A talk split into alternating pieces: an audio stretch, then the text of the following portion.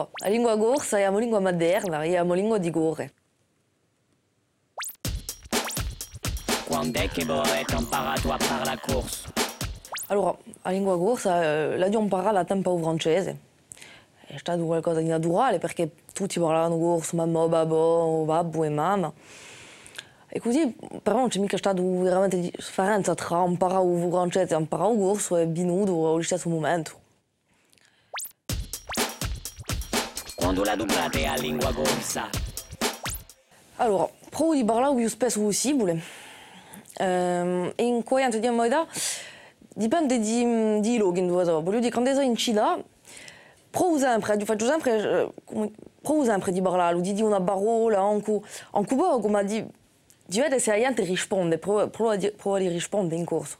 Di state quando lavoro in pigna, di cittadina, tutti parlano dire che si parla come francese, un- si scambia, si scambia e non è mica qualcosa che penso veramente, un, un colpo nel francese, un colpo corso. E poi quando, quando noi siamo brisati, quando noi abbiamo detto qualcosa di importante, bene più spesso corso. Chi rappresenta per voi la lingua corsa? Allora, per me, prima lingua corsa, ci sono le parole che hanno un significato. Voglio dire che mi rimandano a Mozzidelina, ai miei primi ricordi. E mm, tutte cose che non posso mica dimenticare sono legate alla lingua corsa.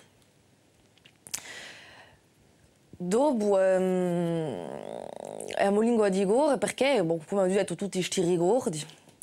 È una maniera di, di avere questo legame con la nostra terra, con, con la nostra famiglia e con tutto un passato. Noi siamo eredi, siamo eredi di una tradizione, di un patrimonio. Come dite la bene di lingua corsa? Allora, io ho sempre cercato di essere positiva e penso che mm, ci sono assai giovani di mia età, di una generazione che si sono discidati. Ci sono, si sono discidati, hanno capito qualcosa che la trasmissione non si può mica fare quando la gente ha paura, ha paura che qualcosa si perdi, si perdesse. Per me si deve fare, eh, ci- veramente ci vuole essere positivo, tra- mica in questa paura che la lingua sia sparita, ma eh, in quella possibilità che i giovani si ribiessino tutto ciò che noi ci siamo scordati e certi nostra età ci sono, si sono.